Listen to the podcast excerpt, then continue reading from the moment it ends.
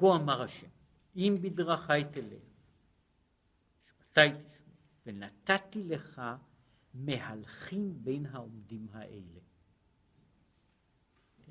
עכשיו, מהלכים בין העומדים האלה, העומדים האלה הם המלאכים שנמצאים מסביב, שהם מתוארים שם בתוך, בתוך התיאור של הנבואה, וזוהי ההבטחה בעצם לזרובבל, כן?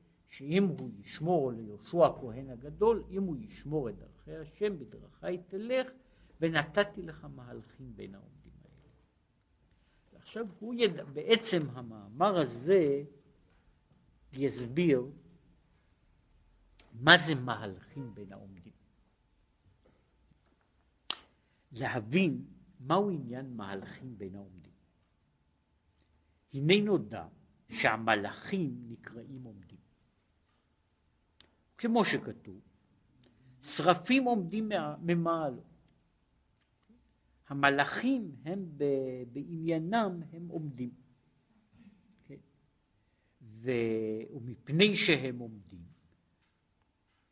הוא עכשיו מסביר מדוע אנחנו קוראים להם עומדים, הוא, יגיד, הוא יסביר את, ה, את, ה, את הטעם, את, ה, את הנימוק של העניין הזה, אבל בעצם המלאכים נקראים במהותם, בשורשם, הם, הם עומדים.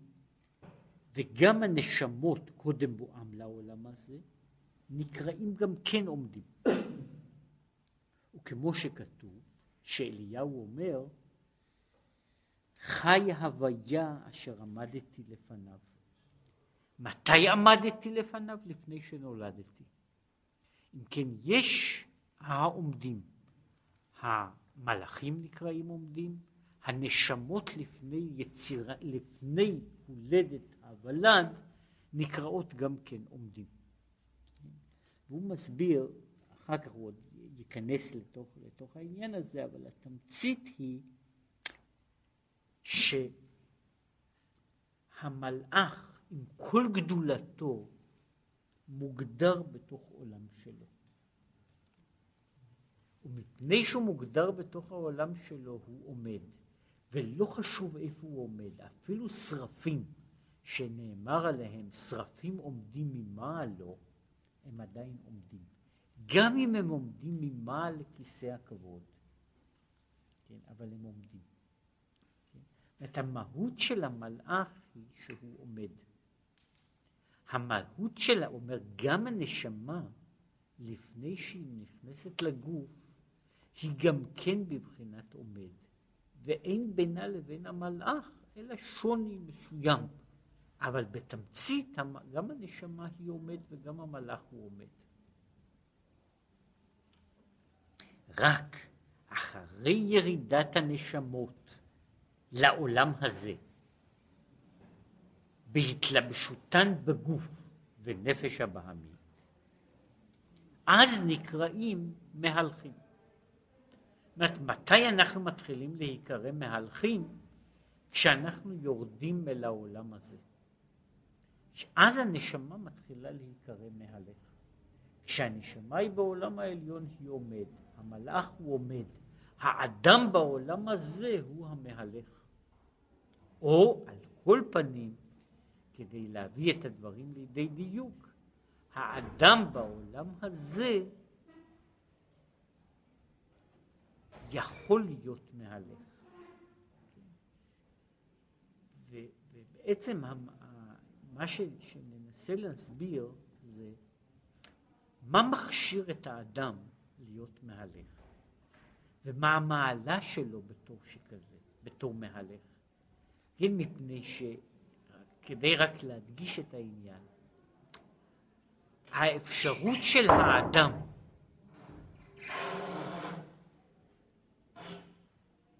האפשרות של האדם להיות מהלך כוללת בתוכה, בצד מסוים, גם את, ה, את, ה, את האפשרות ללכת לבאר שחת.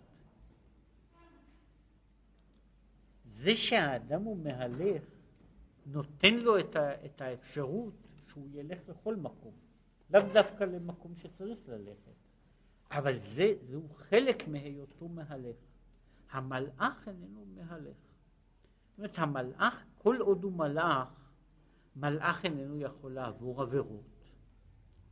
אבל המלאך איננו יכול להיות יותר מלאך מה שהוא היה. זאת אומרת, הוא אותו מלאך מששת ימי בראשית, הוא בעצם אותו מלאך. וגם כשהמלאך מתעלה, הוא מתעלה באותו מסלול. האדם יכול להיות מהלך. עכשיו, הוא אומר ככה, והטעם שהמלאכים ונשמות נקראים עומדים. מדוע הם עומדים?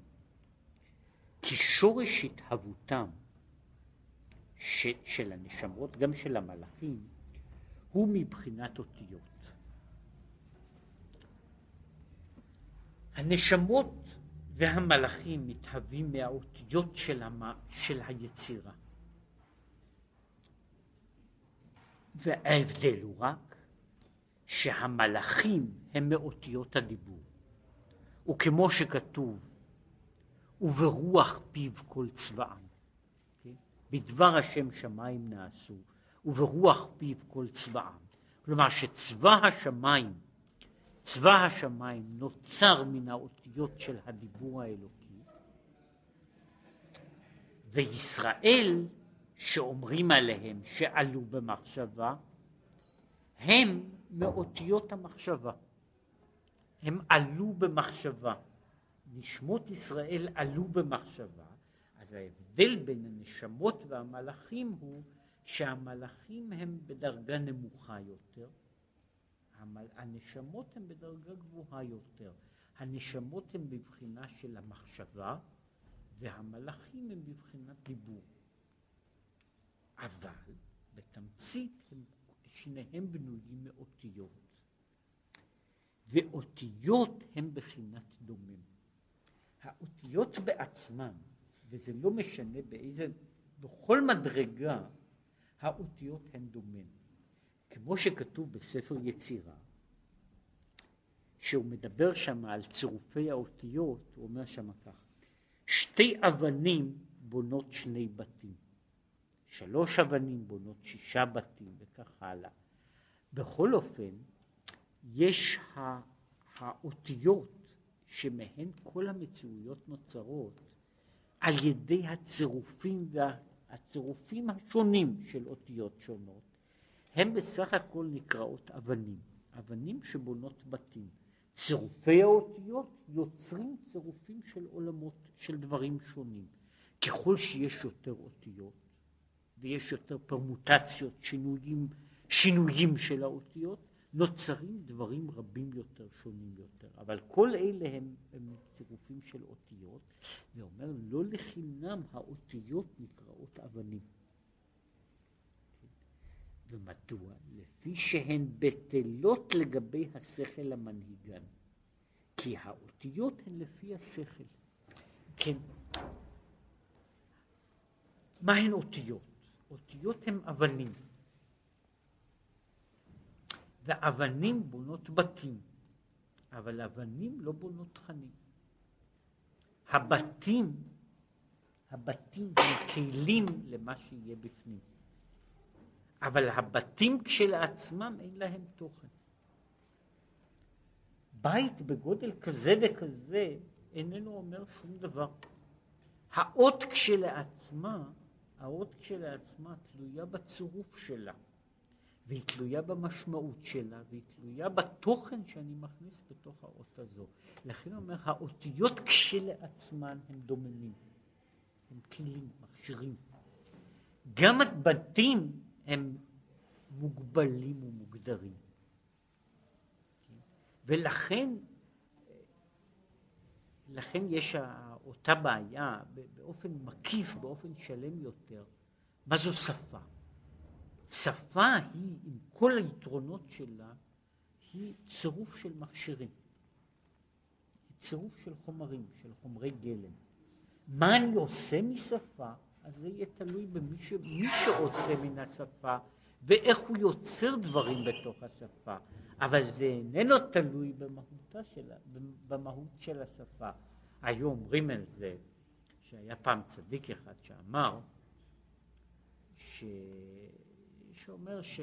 שהיו אומרים שהוא באו אליו אורחים, הוא אומר בשבת, הוא אומר אתם ודאי מתפלאים על זה שאינני נוהג כמו מנהג של היו כמה צדיקים שמדבר בלשון הקודש. ושהיו הרבה צדיקים שנהגו, וגם יהודים פשוטים, והיו על זה הרבה בדיחות על העניין הזה, יהודים שהיו בשבת מדברים רק בלשון הקודש. כן, כן אז כמובן, אם בן אדם היה תלמיד חכם, הוא יכול היה לדבר בלשון הקודש, אבל מה קרה שיהודי ידע בקושי כמה מילים ועמד על זה שהוא ידבר בלשון הקודש? אז היו בעיות לשוניות ותוכניות בעניין הזה, יש על זה אוסף של סיפורים. אבל אומר, אתם ודאי מתפלאים שאינני מדבר בלשון הקודש. תדעו לכם שלשון הקודש היא שיש לשון קדושה, כן? שיש לשון קדושה, ושיש לשון קדושה אפשר לדבר בלשון הקודש בכל שפה. וכשאין לשון קדושה אז אפשר לדבר בעברית ולא לדבר דברים קדושים.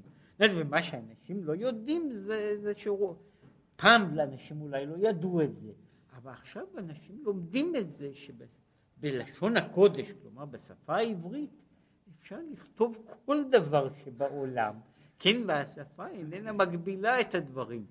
אני לגמרי, כמאמר מוסגר, אמרתי שהרבה מאוד אנשים שמגיעים לארץ ישראל, תפיסתם הראשונה, הראשונה היא, ולא חשוב לאן הם מגיעים, היא שיש פה מדינה תיאוקרטית.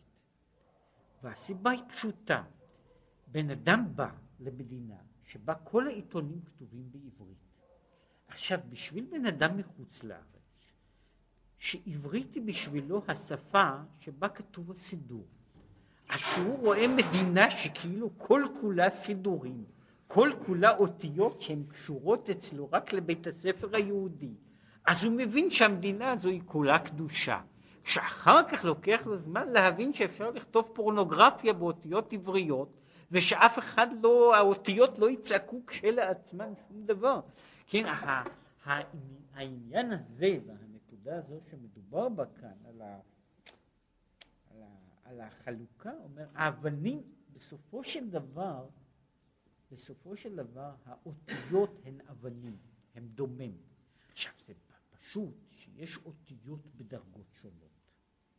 יש אותיות דיבור, יש אותיות מחשבה, יש אותיות של מהויות רוחניות, אבל בכל עולם, זאת אומרת בכל מכלול, האותיות הן, הן הדומם, ויש התוכן שהוא האור שמאיר בתוך הדומם הזה ומחיה אותו ונותן לו משמעות. ולכן, ולכך, לכן נקראים המלאכים עומדים. כי בחינת דומם שאין להם בחינת הילוך. כן? יש, יש מילה כזאת, מילה אחרת. כן? אומרת, אז יש מילה, מילה יפהפייה, אז היא נשארת בתור מילה כזו. כן? אז יש המלאך, נאמר ככה, המלאך גבריאל הוא בוודאי צירוף יוצא מן הכלל, כן? אבל הוא צירוף שבמהותו הוא צירוף סטטי. הוא במהותו צירוף סטטי כמו צירוף של מילה. מתי הוא יכול לקבל משמעויות? כשיצרפו אותו. כשיצרפו אותו אז הוא יכול לקבל שינוי של משמעויות. אבל בעצמו, בעצמו הוא קבוע. הוא יכול להיות שיש מילים יפות ומילים פחות יפות. אבל המילה הזו נשארת במשמעות הזו שלה כמות שהיא ואיננה עוברת שינוי. מתי יכול לבוא שינוי? שאני מצרף אותה. וכשאני מצרף אותה, אז מילים, וזה חלק מהעניין שהוא אומר, לא רק המילים היפות יכולות להיות יפות, גם מילים לא יפות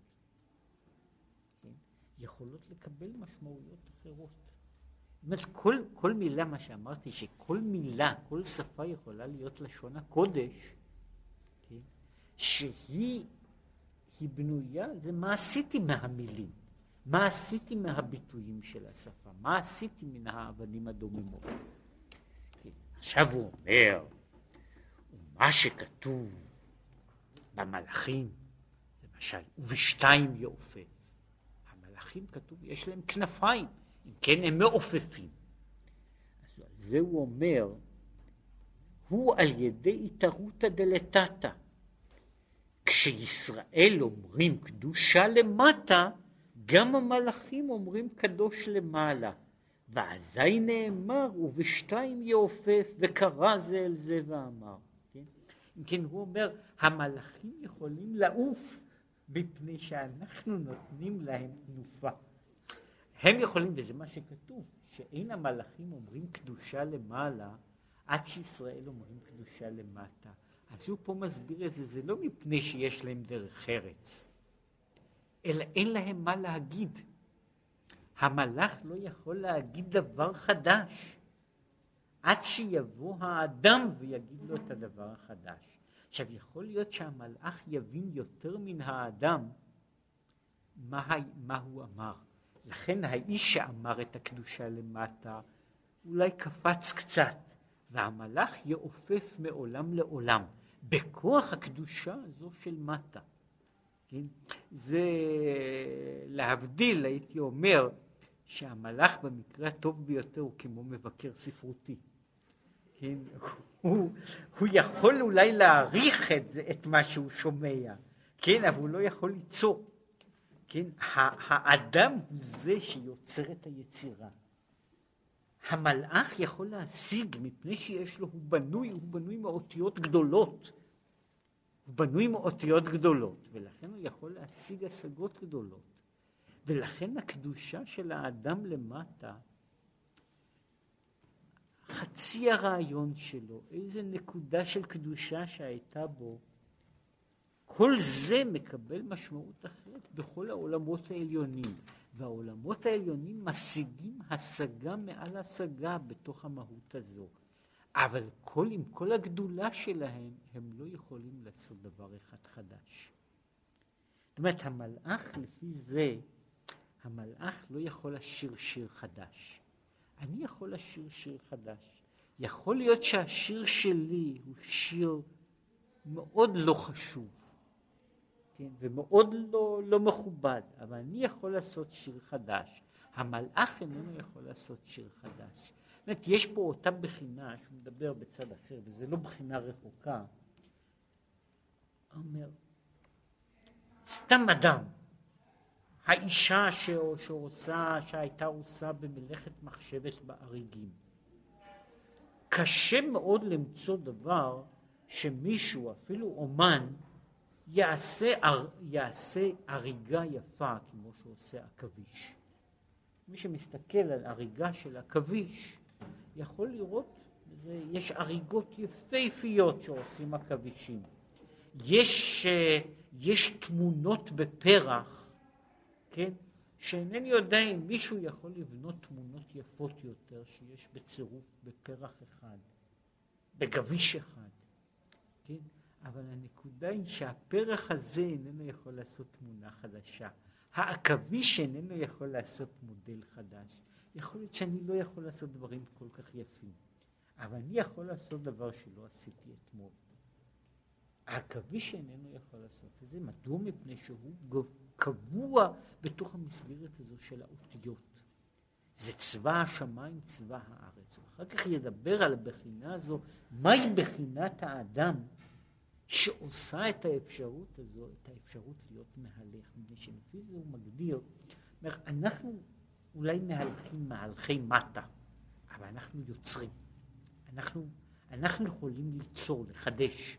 בזמן שהעומדים, והם עומדים מעלינו, אבל הם לא יכולים לעשות דבר חדש. כן? הם אומרים בעצם אותו שיר. עכשיו, מהיכן באה להם בכל זאת התחדשות? מפני שהם מקשיבים. הם מקשיבים למה שאנחנו אומרים, ואז הם עושים מזה שיר חדש. כן? הם עושים מזה שיר חדש יותר, שיר אחר. כן? אז הם יודעים יש, אה, תיארו פעם דבר כזה בעולם של, של, של מוזיקה.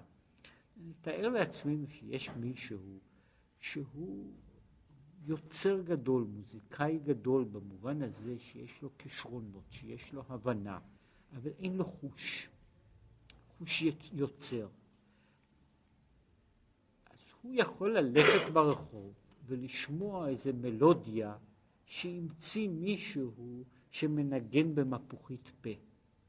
עכשיו, הוא יעשה מזה סימפוניה, כן?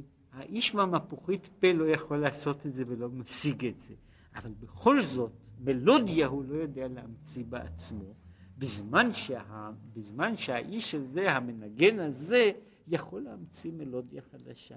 מה שהוא אומר זה היחס שהמלאך אמנם הוא עומד ומעופף, והוא מעופף בעולמות שלי אין עליהם השגה, אבל הוא לא יכול להמציא את, את המעוף שלו. את השיר החדש, את השיר החדש זה אנחנו עושים, כן? וזה רק צד אחד של, של העניין הזה, מה שקוראים לזה, שיש בכל פעם בתהילים, יש העניין הזה של שיר חדש. כמה פעמים שיר חדש. הדבר המוזר הוא שכמעט בכל המקרים של שיר חדש, אז זה לא שיר לגמרי חדש. שיר יש בו משהו חדש, אבל זה כאילו הפאר של האדם, הפאר של דוד המלך, שאומר, ריבונו של עולם, שיר חדש השיר הלך, כן? כן? על השיר חדש המלאכים לא יכולים, השרפים לא יכולים, חיות הקודש לא יכולות. אני יכול לשיר שיר חדש, אז יכול להיות שהשיר הזה הוא לא כל כך יפה, אבל אני שר את השיר החדש, וזה, אומר, הנקודה של המהלך בין העומדים. כן?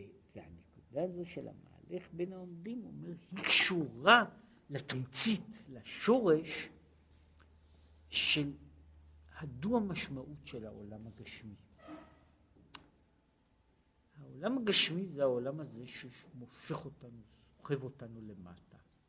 אבל בתוך יצירתו, בתוך הווייתו של הגשם, יש העניין של האלוקי. ומתוך זה, במקום אחד, אני חושב שהזכרתי את זה, את הסיפור הזה, סיפור, איך שיהיה, סיפור יפה.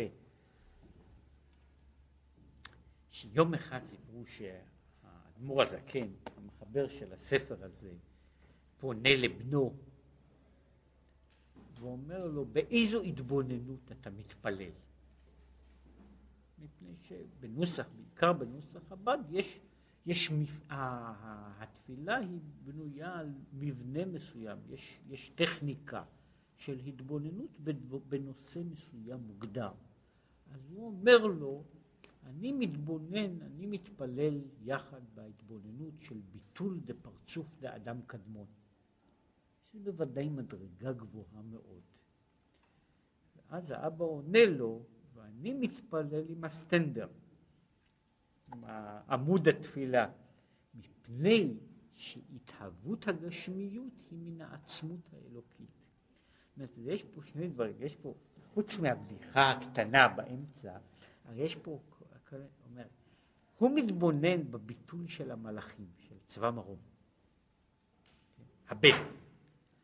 האבא מתבונן בדבר שהוא הרבה יותר גבוה, בחומר הגשמי, שהוא אומר שמהותו של החומר הגשמי היא בעצם הגילוי של המהות האלוקית, של האינסוף בתוך המציאות. וזה אומר, מפני שיש בחינת האינסוף שפועלת בתוך החומר, לכן כשהנשמה מצטרפת אל הגוף ויודעת איך להפעיל אותו, יכולה לעורר מתוכו את בחינת האינסוף. עכשיו, מהי בחינת האינסוף? האמת היא שהוא פה, הוא עוד קצת ידבר בזה. מה זה בחינה של חידוש? החידוש הוא בעצמו נקודת אינסוף.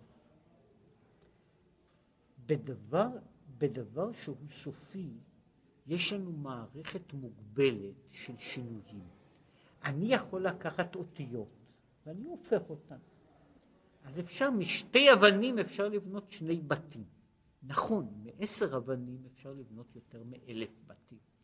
וכך הלאה, שאנחנו הולכים בהרבה יותר, יש לנו יותר מספרים. אז אנחנו יכולים לבנות יותר, יותר שינויים, יותר, יותר אה, וריאציות. אבל בסופו של דבר כל אלה מוגבלים וסגורים בתוך עצמם. מהי נקודה של החידוש? נקודה של החידוש היא שכאילו אני מכניס בתוך דבר ואני מוציא יותר ממה שהכנסתי לתוכו. שאני יוצר דבר שלא היה קודם לכן. עכשיו היצירה הזו של הדבר החדש זהו הפלא שהוא בחינת אינסוף, שהוא דיבר עליו פעם במקום אחר והזכרתי את זה, העניין הזה שהוא מדבר אותו דבר על העניין של ההולדה. שנוצר דבר חדש שלא היה קודם לכן, שזה מה שאומרת חווה, קניתי איש את השם, יצרתי בן אדם יחד עם הקדוש ברוך הוא. מדוע? מפני שהפלא של היצירה החדשה, זהו העניין הזה, מה שמדבר על זה, על ההולדה כבחינה של ההתגלות של אור אינסוף, של המפתח שנמצא בידו, בידיו של הקדוש ברוך הוא. זאת אומרת, הסוד הזה של היצירה החדשה הוא נקודת האינסוף, ובתוך נקודת האינסוף הזו, שם, שם מתגלה מה שיש לאדם. עכשיו, פשוט, אומר, המהלכים הם גם סכנה, כן? הם גם סכנה. המלאכים אין להם שום סכנה להתקלקל, כן?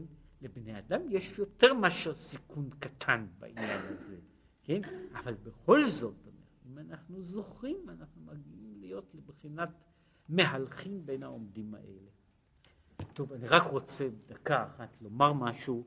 אני תלית, ביקשתי שיתלו למטה הזמנה לבר מצווה של הבן שלי. ו...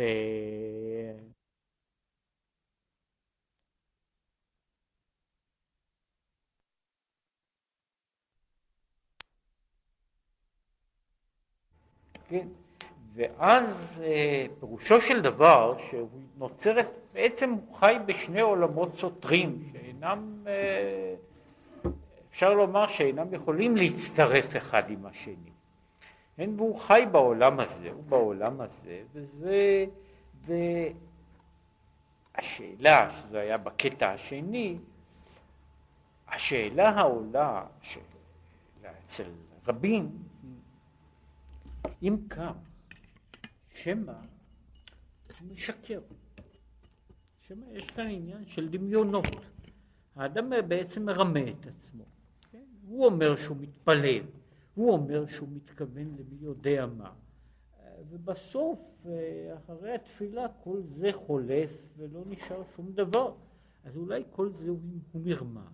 התשובה שלו הייתה בעצם שזהו חלום. זאת לא מרמה, זה חלום.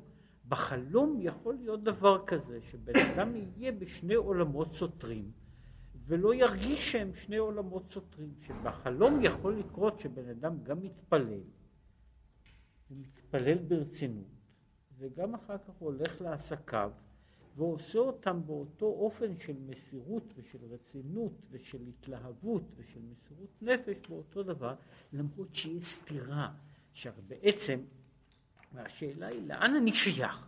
מהו העולם שחשוב לי? מהו העולם הטפל?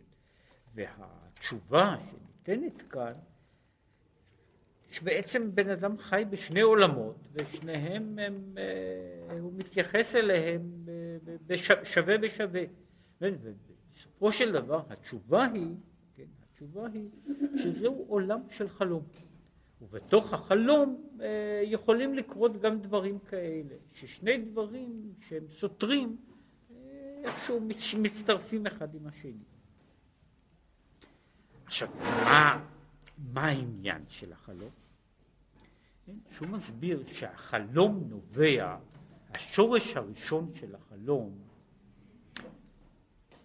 שיש בו עולם לא מאורגן, עולם לא מסודר, עולם שחוקי ההיגיון אינם פועלים בו, העולם הזה של החלום הוא בעצם עולם ששורשו הוא מדרגה גבוהה מאוד, מבחינה של מה שהוא קורא מבחינת עיגולים, שהם למעלה מסדר העולם שיש בו עולם ישר, עולם מסודר. זאת אומרת, העולם שלנו, של סדר ההשתלשלות, הוא עולם של.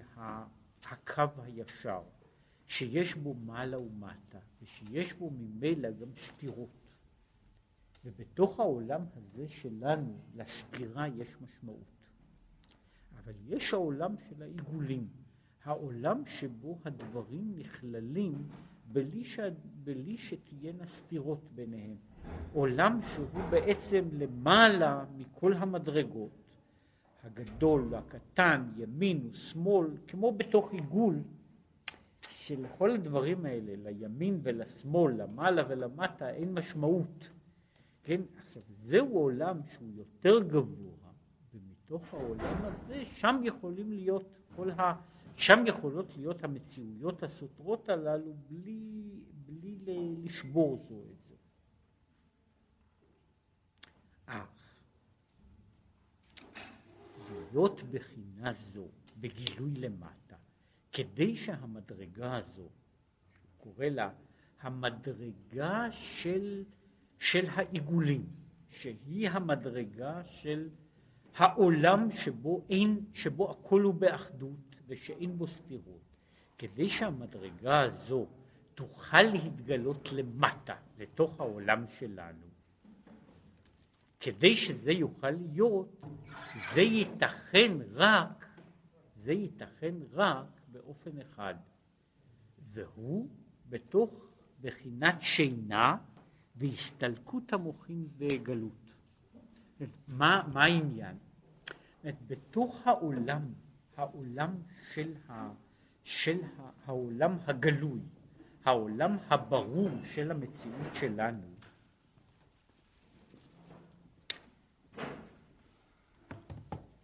אנחנו איננו יכולים, לס... איננו יכולים לחיות ב... גם באותה שעה בעולם המורכב, הלא ברור והלא מובן של הסתירות הללו. העולם הזה, שהוא אה, מלא, מלא סתירות, הוא נמצא בעצם במהות, כשאני רוצה בתודעה, בהכרה שלמה, לחיות בתוך העולם הזה של הסתירות, אני uh, מגיע בעצם מה שקורה בחלום. כשאני, כשאני מתעורר, אז העניין הזה כבר איננו יכול להיות קיים. הסתירה הזו אין לה יותר, הסתירה הזו נש... איננה יכולה להחזיק מעמד בתוך עולם של היקיצה. לכן מתי אנחנו יכולים לשאת את העולם מלא הסתירות שהוא מצד אחד עולם של מעלה, כן? רק כאשר אנחנו ישנים. כאשר אנחנו ישנים, כאשר המוחין שלנו אינם בהתגלות, אנחנו מסוגלים לשאת את העולם העליון. אבל בזמן שאנחנו מתעוררים, אנחנו לא יכולים לשאת אותו. ועל זה נאמר, אלביש שמיים כדרות. שמיים הם בחינת עיגולים. שהם ההיקף הגדול שמעלינו. הם מלובשים בבחינת כדרות וחושך, שהוא העלם והסתר, שאז מאיר ומתנוצץ מלמעלה, מעולם העליון, שהוא בבחינת עיגולים, בבחינת חלום. שהוא כוח המדמה לחבר שני הפכים בנושא אחד, כאילו הם אחדים ממש. כן, איך הוא מסביר את, ה, את העניין הזה? הוא אומר בעצם מוחנו המסודר, העולם הלוגי שלנו, שהוא מגיע אל המציאות, למציאות, אה, למציאות בלתי לוגית, הוא לא יכול לשאת אותה, הוא דוחה אותה כבלתי אפשרית. רק כאשר יש כאילו דיכוי של העולם, של המחשבה הרציונלית הגלויה, למשל בשינה, בכל מקום של הסתלקות, אז יכול להתנוצץ עולם בדרגה יותר גבוהה, שהוא העולם בדרגה של העיגולים, כן, שהוא בחינת שמיים. לכן את השמיים אנחנו יכולים לראות רק שהם מבחינת כדרות. את השמיים בבהירות, כשיש לנו בהירות אנחנו מאבדים את האפשרות להשיג את השמיים. כשיש לנו כדרות אנחנו יכולים לראות את השמיים. זה בערך אותו, אותו דבר אומרת, מתי בן אדם יכול לראות את, ה, יכול לראות את השמש? מתי אפשר להסתכל בשמש וכמה שרוצים? כשיש ליקוי חמה. כן, זה הזמן שבו אפשר להסתכל בשמש. זאת אומרת, יש לנו פה מצב של חוסר, בעולם בהיר אין לנו אפשרות לראות את ה... להיות, ב, לחיות עם כל הסתירות. רק בעולם שהוא, שבו הוא קודר, חשוך ואפל. מדוע? בעצם, הוא אומר ככה, הרי לפי שבאמת בשורשם, בעולם העליון, הם מחוברים ומיוחדים. כל הדברים הללו, בשורש הראשון, בבחינת העיגול, הם מיוחדים. אלא מה? רק למטה, בהתחלקות הקווים על פי חוכמה ודעת, להיות קו זה כך וזה כך, אזי נראה ונגלה ההיפוך, שזה ההיפוך מזה, ואזי הם נפרדים ורחוקים זה מזה. יש כאילו העולם שבו הכל נמצא בעיגול. כשהכל נמצא בעיגול, המעלה והמטה, השמאל והימין, הם חלקים של דבר אחד, ושם אני, אין שום סתירה ביניהם. כשהם יורדים לעולם אחר, שכאילו שם אותם, ממיין אותם באופן לוגי, אז אני יכול לראות שהימין והשמאל אינם יכולים להיות יחד, ולכן הם צריכים להיות, כל אחד צריך להיות מנותב לקו שלו, ששם שני הדברים, שני הקצוות של ההוויה חייבים להיות כל אחד במקום שלו, בעניין שלו, ואינם יכולים להגיע לאיזשהו חיבור. ו, ו, ומשום כך הם לא, הם לא עומדים בבת אחת, ולכן אי אפשר להיות גילוי בחינת ההתקללות, בבחינת גילוי החוכמה שהיא ראשית התחלקות הקווים. כאן נמצא בסתירה, כאשר אני מגיע לבחינת החוכמה, שבה מתחילה, מתחילה התחלקות, שבמובן מסוים התפקיד הראשוני של החוכמה הוא לבנות את החלוקה הזאת של אמת ושקר, אפשרי ובלתי אפשרי. כאשר אני מגיע לחוכמה, אינני יכול לחיות בתוך העולם של הסתירות. אלא, שוב, כאמור, הוא אומר, אלא בבחינת שינה והסתלקות המוחים בגלות, אזי מתנוצץ ומאיר האור העליון, שהוא מסתתר ומתעלם בבחינת כדרות וחושך. דהיינו, בבחינת התלבשות ההלם, ולא בבחינת גילוי. כי הגילוי הוא בבחינת חוכמה ודעת, שהוא על פי קווים. כן, ה... בתמצית, יש לנו פה סתירה מהותית שאיננה ניתנת כאילו לפתרון בתוך העולם הרציונלי. אם אני רוצה את כל הדברים יחד, אני לא יכול להשיג אותם בתוך עולם רציונלי. אם אני רוצה, אם אני רוצה עולם בהיר, שבו יש משמעות, שבו יש סדר, שבו יש סדר הגיוני, שזה עולם, ה... עולם היקיצה שלנו, שם אני מוכרח להיות בקו זה או בקו זה. ואני לא יכול, הסתירה בין הקווים שוברת את האפשרות להחזיק אותם. ו, ולכן הוא אומר, איך, איך יכול להיות שבתוך העולם הזה יהיה עולם של סתירות בכל זאת? על ידי הכשר. אומרת, על ידי הכשר, וזה אגב העניין הזה, הוא לא נכנס פה.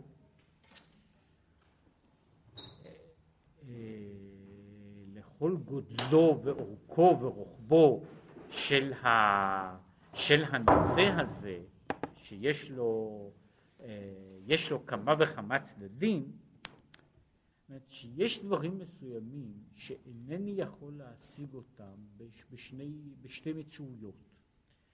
יש לי כאילו הכרח אה, לבחור. או שאני רוצה עולם בהיר, ואז אני צריך להיות לקבל עולם חד צדדי. אני רוצה עולם מורכב, כן? אז הוא לא יכול להיות עולם בהיר. העולם הזה, וזו הבעיה, הזכרתי כבר, שהעניין הזה של ה... של למשל נבואה,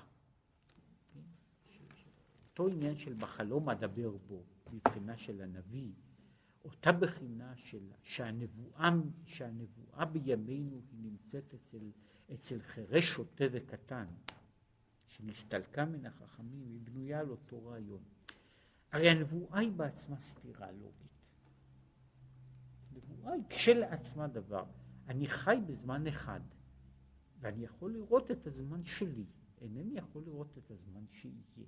יש בזה משהו של חוסר אפשרות, מפני שבתוך העולם שלנו לזמן יש רצף, שהוא, שבו יש דבר אחד הולך אחרי השני, שאינני יכול להקדים בתוך המהלך של הזמן.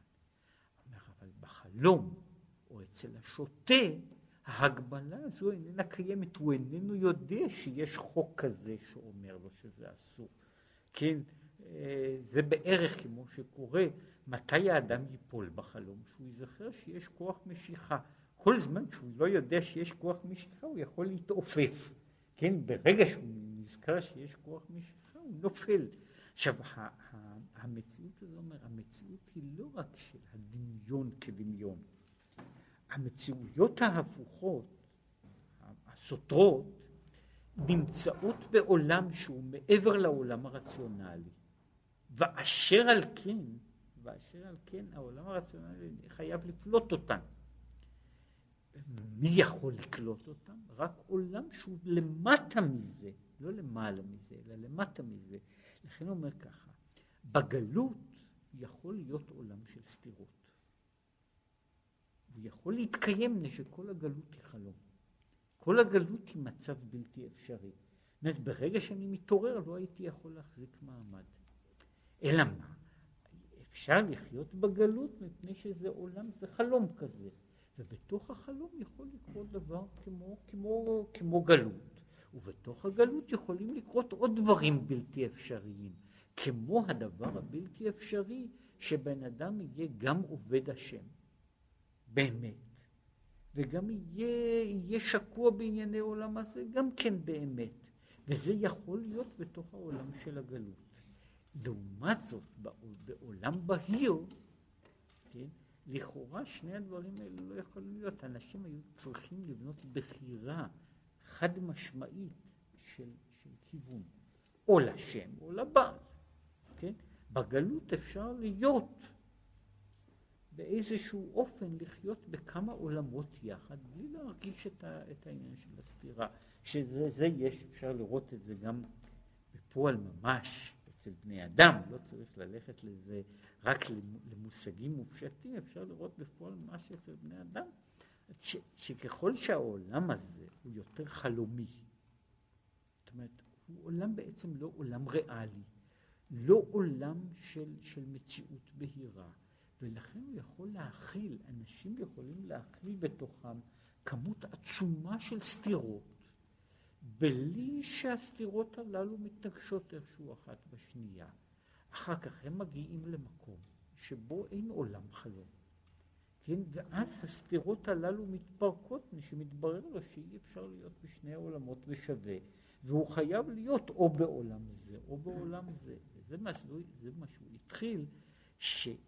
בזמן, ה, בזמן ה, שבעצם הגאולה היא בעצם, כן, ששיר המעלות, שוב השם את שיבת ציון, היינו כחולמים, זאת שאנחנו מתעוררים, ואנחנו אומרים, איך אפשר היה לחלום במשך כל כך הרבה זמן? איך אפשר היה להיות בתוך מציאות בלתי אפשרית כזו?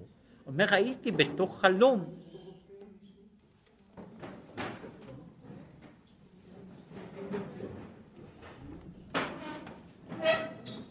יש פה למטה, יש פה רופא. יש פה לפחות רופא אחד למטה.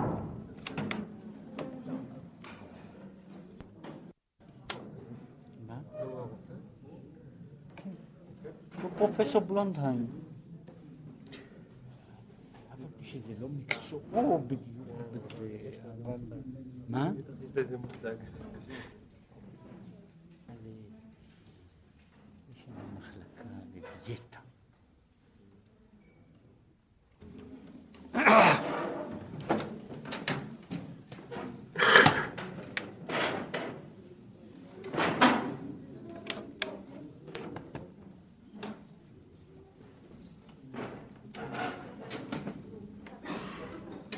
לא.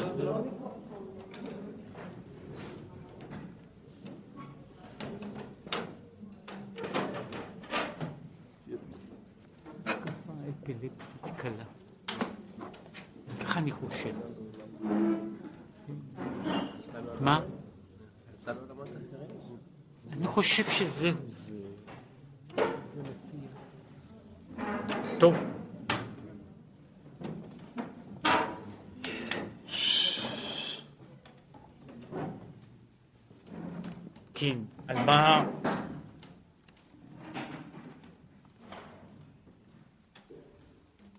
במה דיברנו? בעניין הזה שבעולם הזה, כן, יש לנו כאילו הכרח של בחירה. הכרח של בחירה. אנחנו חייבים לבחור או בעולם של בהירות, או בעולם של, אה, של העולם שבו יש ההפכים מתאחדים הוא עולם בלתי רציונלי. בתוך העולם הרציונלי הדברים הללו אינם אפשריים. ולכן הוא אומר, בשוב השם את שיבת ציון היינו כחולמים. זאת אנחנו מגלים אז, מגלים אז שהקיום של זמן הגלות ושל הגלות היה כולו אה, בלתי אפשרי. כן? זאת אומרת, שכל העניין של הגלות היה תופעה בלתי אפשרית. ושהוא יכול היה להיות רק משום ש... שהיינו כחולמים. כן? זה איך, זאת אותה שאלה שהזכרתי, איך אפשר להיות לישון 70 שנה, ש... שהוא לא ידע שיש אפשרות לישון אלפיים שנה, כן? שאפשר לישון אלפיים שנה, כן, ולהתעורר. לפני כמה זמן היה בעיתון, זה אמנם סיפור שאי אפשר להאמין לו בגלל המקור הסובייטי שלו, אבל בכל זאת היה סיפור שמצאו איזה, איזה, איזה סלמנדרה קפואה שמעריכים אותה בכמה אלפי שנים, שהיא נרדמה שם, נרדמה בשלג, כן, ועכשיו התעוררה. אבל אני אומר על עם ישראל, אז זה בערך מין דבר כזה. זאת אומרת, ישן ככה אלפיים שנה, וקורים דברים כאלה. אבל הוא אומר, יש לכל אלה, יש גם פתרון. לעתיד לבוא כתיב, ולא ייכנף עוד מוריך. מה זאת אומרת לא ייכנף עוד מוריך? בכנף ולבוש. לא ייכנס, זאת אומרת, לא יסתתר באיזשהו לבוש מסתיר. אז יתגלו הדברים בצורה אחרת ובאופן אחר. ואז רק לעתיד לבוא, אחרי כל זה, יהיה, ואז הוא מצרף כאילו את הפירוש השני, בשוב השם את שיבת ציון היינו כחולמים גם במשמעות אחרת. אנחנו נוכל להמשיך חיים ממין אחר, אבל לא באותה דרגה. לכן, ביום ההוא יהיה שמו אחד, שלא יהא מלובש ומכוסה בנרתק, ויהיה נקרא כמו שנכתב. כי עין בעין יראו בשוב השם את ציון.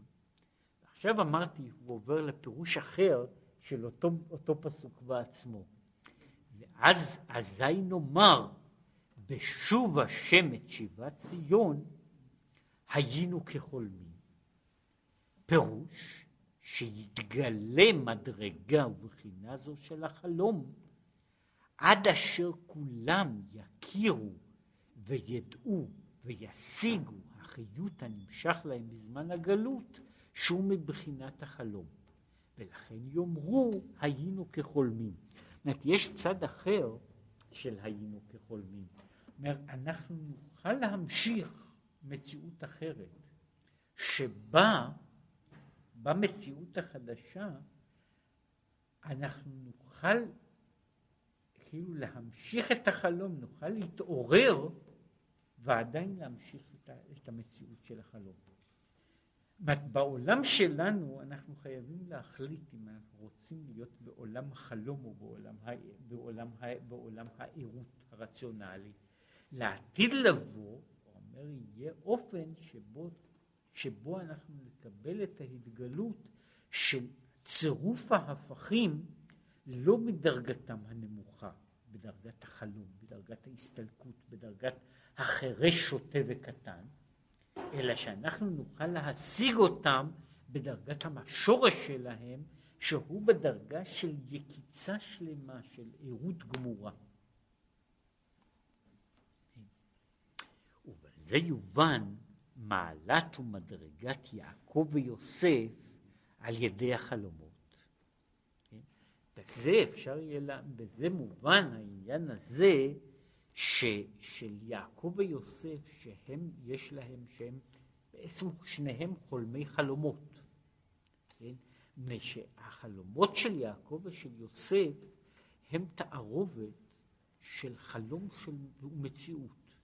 מפני שהחלומות שלהם מיוחדים בעצם העניין שהחלומות הללו נכנסים וזורמים אל תוך המציאות. החלום איננו חלום שלם. החלום הוא, הוא חלום כזה ש, שאומר, הם האנשים שהם חולמים חלום שהוא אמת. הם חולמים חלום שהוא חלום ריאלי. החלום הזה של מלאכי אלוקים עולים ויורדים בו, החלום הזה של מלאכי אלוקים עולים ויורדים בו, הוא בעצם לא חלום, זוהי המציאות של יעקב. של הסולם המוצב ארצה וראשו מגיע השמיימה. זאת אומרת, יעקב בעצם לא חולם חלום, גם החלומות של יוסף הם לא חלומות. כל כמה שהם נראים חלומות, הם אינם חלומות. כן? ולכן אומר, יש בחינה שיוסף הוא יותר במעלה ממדרגת משה רבינו עליו השלום. מפני שמשה רבינו הוא לא איש של חלומות. הרי כך מתחיל הפסוק. אם יהיה נביאכם השם, בחלום אדבר בו. כן? לא כן משה עבדי, פה אל פה אדבר בו. זאת אומרת, משה יש לו את הבהירות השלמה ביותר של היקיצה. כן? אבל משה אין לו את החלום. כן? ולכן יש מדרגה של יוסף, יש חלום. יש מאמר בספר זה, שעוסק בבעיה קצת דומה, שראיתי בדיוק היום, שהוא מדבר שם על אספקלריה מהירה ואספקלריה שאינה מהירה. בוודאי שהאספקלריה מהירה רואים בה יותר טוב, אבל באספקלריה שאינה מהירה, שפועלת כמו ראי, אני רואה דברים שאינני יכול לראות באספקלריה מהירה. את מה שנמצא מאחריי אינני יכול לראות בה בתוך משקפת. זה אני יכול לראות רק בתוך ראי, שהוא מראה לי לא רק איך אני נראה, אלא גם איך העולם מאחוריי נראה. וזהו הדבר, יש יתרון מסוים באספקלריה שאינה מהירה, שהיא מגלה דברים חדשים. אומר, מבחינה זו, יש מעלה, ל... אומר, העולם של משה הוא בכל הדרגות שהוא רואה אותו, הוא עולם בהיר. ומשום כך הוא עולם קונסיסטנטי. ומשום כך הוא עולם שאין בו סתירות מהותיות. העולם של יוסף הוא עולם שיכול להיות שהשמש והירח ישתחוו. כן? ויש, הוא פה לא מדבר על זה, אבל הוא מדבר משהו על העניין, ש, שיש תיאור כזה, איך יהושע מעמיד את השמש. אומר יהושע אומר לשמש, עבדה בישה, עבד רע.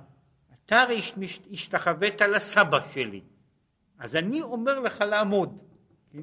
אומרת, יש מין דבר כזה שאומר, יהושע אומר לשמש, כן? אומר, אני מזרעו של יוסף. אצלנו השמש יכולה לעמוד. אני יכול, השמש יכולה לעמוד. אצלנו, בתוך העולם שלנו, השמש יכולה לעמוד. עכשיו, זה שיש בעיות שהשמש לא יכולה לעמוד, זה בעיה שלך. כן, זה בעיה של העולם שבו הטבע פועל, שבו יש חוקים קבועים, קשוחים. אומר, בתוך העולם הזה השמש עומדת, כן, אתה, אז זה העולם הזה, אומר, זה העולם של יוסף. מה שהוא מאיר בדרך אגב, אומר ככה, הוא אומר שנדב ואביהו היו נפש ורוח של יוסף. כן? זה, הוא רק אומר שהרי היו שני בני אהרון, נדב ואביהו, אומר שהם היו בחינה של נפש ורוח של יוסף. ומה שאמרו, ואנחנו טמאים לנפש אדם, זה אביהו. אבל נדב היה מבחינת רוח, לא נפש, ולא היו צריכים הזעה בשבילו כלל. ועליו נאמר, ורוח נדיבה תשמחני. זה רוח, רוחו של נדב. עכשיו הוא אומר, הרי פה נאמר במדרש על אותו דבר, שמשה אומר לאהרון, הוא אשר דיבר השם בקרובה יקדש. שאומר, אני חיכיתי הרי, כיוון שהקדוש ברוך הוא אמר בקרובה יקדש, פירושו של דבר שבקדושים שבישראל הם, בהם יחול, יקרם להם משהו, כדי להתקדש. הוא אומר, ואני לא ידעתי שהם יותר קדושים. כן? ולכן הוא אומר, זאת אומרת שנדב ואביהו, מצד אחד הם לא משה ואהרון, אבל יש צד אומר שנדב ואביהו שייכים לדרגה שהיא, מה שהוא קרא לזה, יש דרגה שבה הם יותר מהדרגה של, מהדרגה של, של משה ואהרון, וזה קשור גם לעצם העניין הזה, שאצל משה ואהרון יש סדר. נדב ואביהו פועלים בזה, או חוטאים בזה, שהם משנים את הסדר. והם נשרפים על זה שהם פורצים לעולם שהוא לא העולם שלהם. שהם נכנסים להקריב במקום שהם לא מורשים. הם נכנסים לקודש הקודשים מפני שהם שייכים למדרגה הזו שהוא קרא לה המדרגה של החלום. ובמדרגה של החלום שם הדברים הללו מעורבים. עכשיו, בזה שכתוב נוהג כצאן יוסף כי בזמן הגלות הנהגת ישראל הוא בחינת יוסף, שהוא מבחינת חלום מעולם העיגולים. ואומר זהו נוהג כצאן יוסף, מדוע? הרי יש, אה, אה, יש מה שנאמר שם,